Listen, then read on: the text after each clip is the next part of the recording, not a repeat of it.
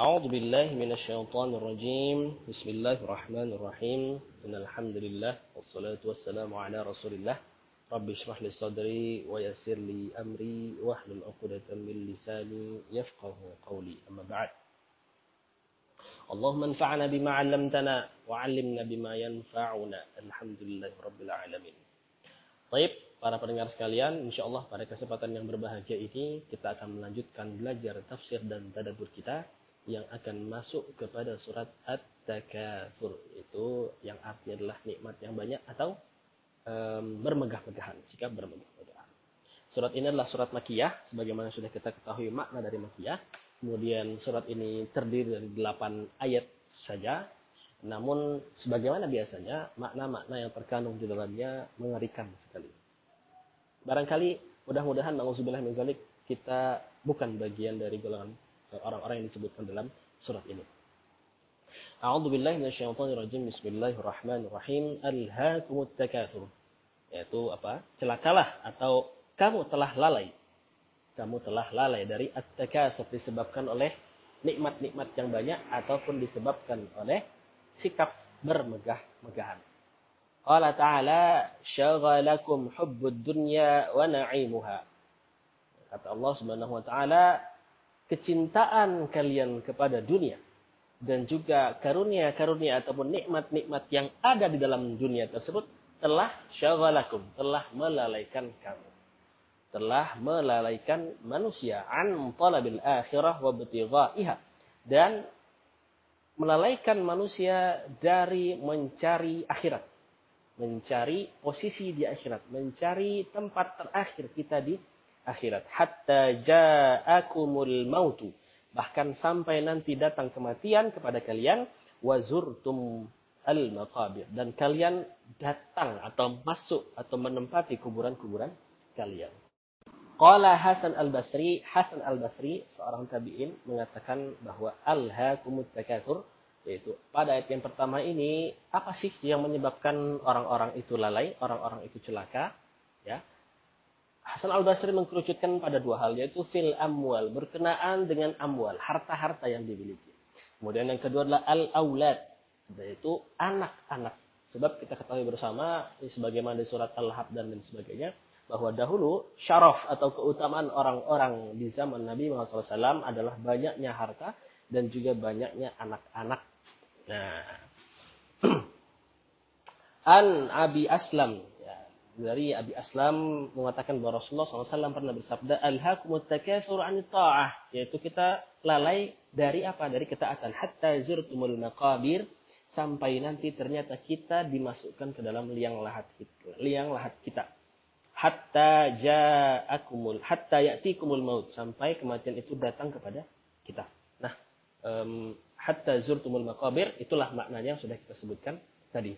Kemudian pada ayat ketiga kalla sawfa ta'lamun, thumma kalla sawfa ta'lamun. Ayat ketiga dan keempat adalah pengulangan yang maksudnya sangat jelas sekali bahwa hal ini adalah hal yang sungguh-sungguh akan terjadi. Qala Hasan Al-Basri, masih Hasan Al-Basri mengatakan bahwa makna dari kalla sawfa ta'lamun, thumma kalla sawfa ta'lamun yaitu ayat ketiga dan keempat berkenaan dengan hadza wa'idun ba'da wa'idin. Yaitu ini adalah sebuah siksaan yang datang setelah siksaan. Berarti wa'id ba'da wa'id.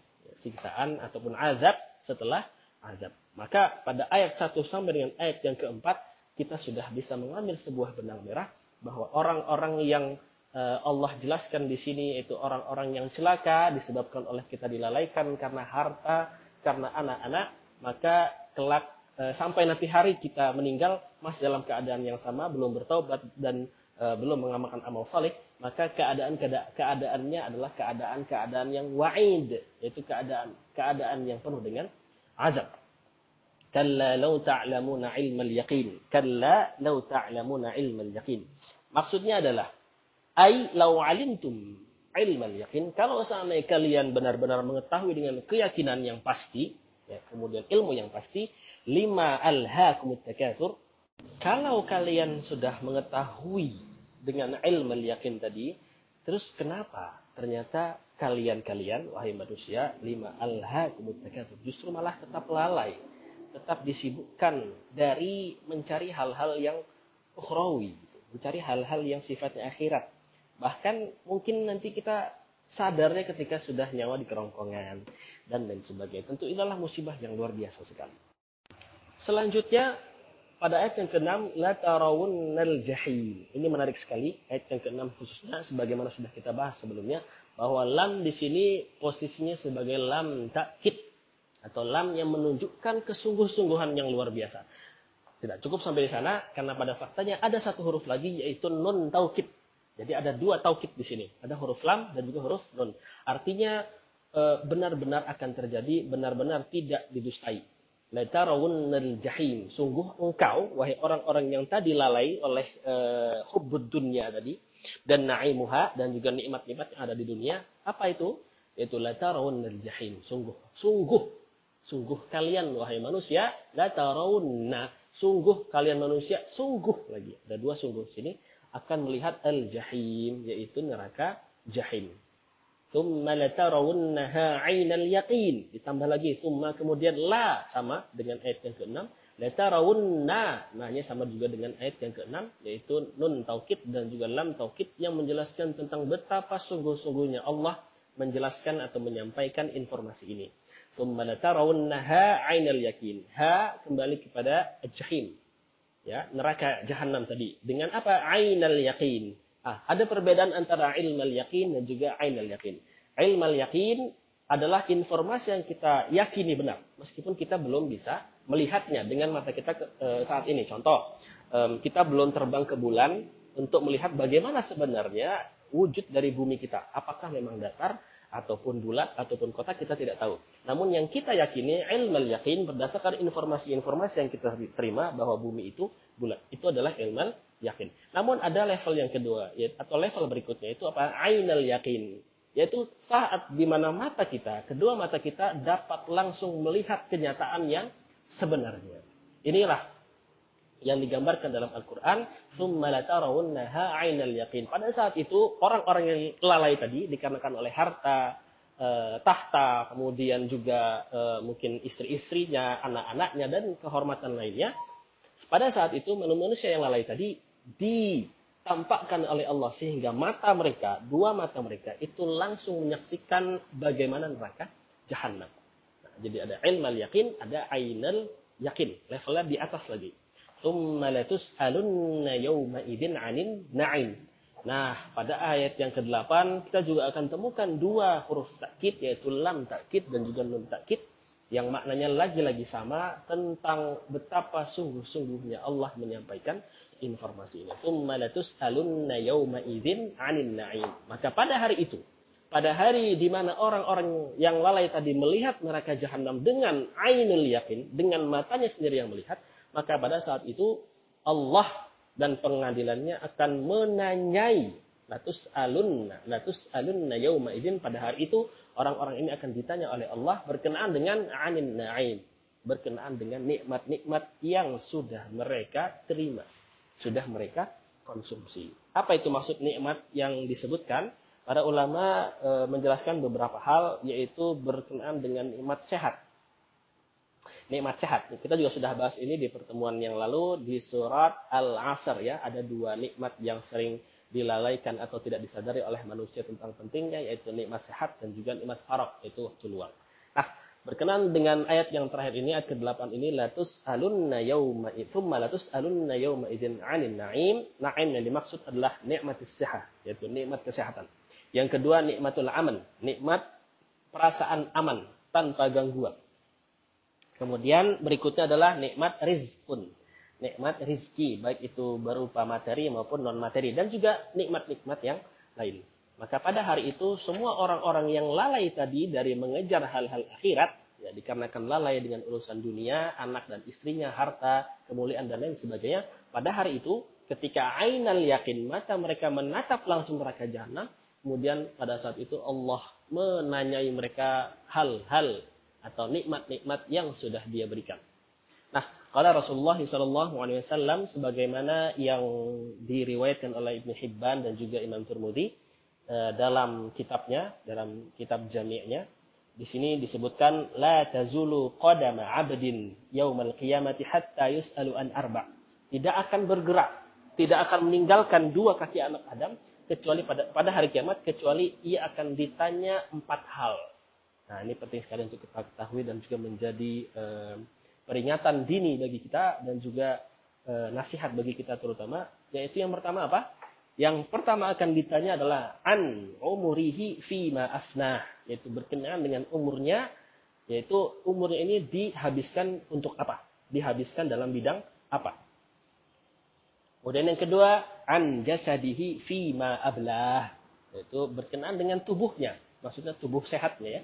Tubuh sehatnya eh, untuk apa digunakan atau dalam hal apa digunakan? Apakah dalam hal beribadah ataupun dalam keadaan Eh, digunakan untuk bermaksiat kepada Allah.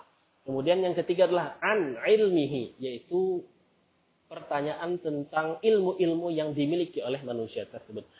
Maza amalu, maza amala fihi, yaitu eh, apakah ilmu-ilmu itu mengantarkan kepada al-amal? Apakah al-fahmu atau al-ilmu atau kefahaman itu menuntun kepada amal? Apakah hanya cukup eh, ilmu saja tanpa amal? Nah, tentu kita sudah tahu peribahasa-peribahasa Arab ya, al ilmu bila amalin kasyajarin bila samarat. Ada yang mengatakan bahwa ilmu tanpa amal itu seperti pohon tapi yang tidak berbuah, tidak ada fungsinya selain untuk merendangkan saja. Kemudian yang keempat adalah an malihi, yaitu berken, ditanya berkenaan dengan hartanya. Min ainak tasabahu, dari mana dia mendapatkannya, apakah dari jalan yang halal ataupun dari jalan yang haram, wa fima anfaqahu dan kepada siapa, kepada apa harta itu diinfakkan, maksudnya adalah dikeluarkan. Apakah kepada hal-hal yang diridai oleh Allah ataupun hal-hal yang tidak diridai oleh Allah. Nah, empat hal ini tentulah perlu menjadi peringatan dini bagi kita. Mudah-mudahan pada hari kiamat nanti eh, atau yamil akhir nanti kita dapat eh, menjawab pertanyaan ini dengan sebaik-baiknya jawaban sehingga kita menjadi orang-orang yang beruntung. Qala ta'ala summa latus'alunna yawma idzin 'anil na'im ya sudah uh, di ayat yang ke-8 tadi Ibnu Abbas uh, menjelaskan bahwa yang dimaksud dengan na'im adalah tiga hal yaitu sihatul abdan yaitu kesehatan badan. Yang kedua adalah sihatul asma, kesehatan pendengaran. Kemudian yang ketiga adalah sihatul absar yaitu kesehatan uh, penglihatan. Sebab Allah berfirman di dalam surat uh, Al-Isra ya dikatakan bahwa inna sam'a wal basara wal fuada kullu ulaika kana anhu mas'ula. Ini yang juga sering diulang-ulang oleh Ustaz Somad ya. Ayat ini bahwa pendengaran kita, penglihatan kita dan juga hati kita akan dimintai pertanggungjawaban. Maka mudah-mudahan nanti di hari kiamat kita tergolong orang-orang yang uh, selamat, orang-orang yang tidak merugi dan juga uh, sebagaimana dijelaskan dalam pertemuan yang lalu di surat Al-Asr bahwa seluruh manusia dalam keadaan rugi, maka pada ayat ini jelaslah manusia-manusia rugi salah satunya kami dilalaikan oleh hubbud dunya wa na'imuha dan kecintaan kepada dunia dan juga kecintaan kepada nikmat-nikmat yang Allah berikan. Nah, kemudian menjadi lalai dari mencari uh, keridhaan Allah, mencari tempat kita nanti di akhirat. Barakallahu li wa jami'an mudah-mudahan kita dapat mengambil uh, manfaat faidah ataupun pesan-pesan moral maupun moral yang ada dalam surat At-Takatsur sehingga kita terhindar dari ancaman yang Allah jelaskan di surat ini. Ada satu hal yang perlu uh, kita ketahui bersama berkenaan dengan nikmat, ada istilah dalam istilah uh, Islam atau tasawuf mungkin ya, kita sebutkan dengan istilah istidraj. Istidraj itu adalah salah satu uh, musibah yang luar biasa. Musibah yang luar biasa tetapi tidak banyak disadari oleh manusia. Apa itu istidraj? Istidraj adalah sebuah musibah yang musibah itu berupa kenikmatan di dalam hidup kita. Contohnya adalah orang-orang yang tidak pernah sholat tetapi rezekinya lancar. Hartanya luar biasa, kayak anaknya banyak, rumahnya megah, istrinya eh, cantik banyak, eh jangan banyak ya, satu saja. Eh, kemudian um, pokoknya luar biasa hidupnya. Tetapi dia tidak pernah beribadah, tidak pernah sholat, tidak pernah berzakat, tidak pernah menyantuni anak yatim. Semuanya Allah kasih nikmatnya. Hati-hati, jangan sampai eh, kita tergolong dalam orang-orang yang istidraj. Sebab orang-orang yang istidraj tanpa sadar justru harta-harta ataupun nikmat-nikmat yang Allah berikan sesungguhnya malah menuntun dia semakin jauh dari Allah dan mendekatkan kepada api neraka. Nauzubillah dzalik. Maka nikmat istidraj ini jauh lebih mengerikan dibanding musibah kita mungkin ya, mungkin uh, kita juga tidak berharap, hal-hal tersebut ada. Contohnya mungkin uh, rumah terbakar, zalik, atau kita kehilangan uang atau yang sebagainya meskipun kita uh, tetap sholat, tetap berzakat, tetap mengajar dan lain sebagainya, tetap dalam koridor-koridor keimanan, ketahuilah ketahuilah bahwa musibah-musibah itu adalah bagian dari pendidikan Allah dan juga Allah catat sebagai pahala kesabaran. Betapa beruntungnya menjadi seorang muslim ketika ia menjadi atau mendapatkan musibah, ia bersabar, maka ia mendapatkan kebaikan. Ketika Allah memberikan hamba itu sebuah karunia nikmat, maka hamba itu pun bersyukur, maka dicatatlah pahala syukur. Itulah nikmatnya menjadi orang-orang yang beriman. Dalam keadaan musibah mendapatkan pahala, dalam keadaan mendapatkan nikmat juga mendapatkan pahala. Nah, mudah-mudahan kita terhindar dari sifat atau perasaan istidraj. Jika di antara kita ada yang merasa demikian, segeralah untuk e, beristighfar kepada Allah. Mudah-mudahan kita mendapat masih mendapatkan kesempatan Allah untuk bertaubat dan dihindarkan dari menjadi golongan-golongan yang Allah sebutkan di dalam surat At-Takasur. Mungkin ini yang dapat disampaikan mudah-mudahan bermanfaat.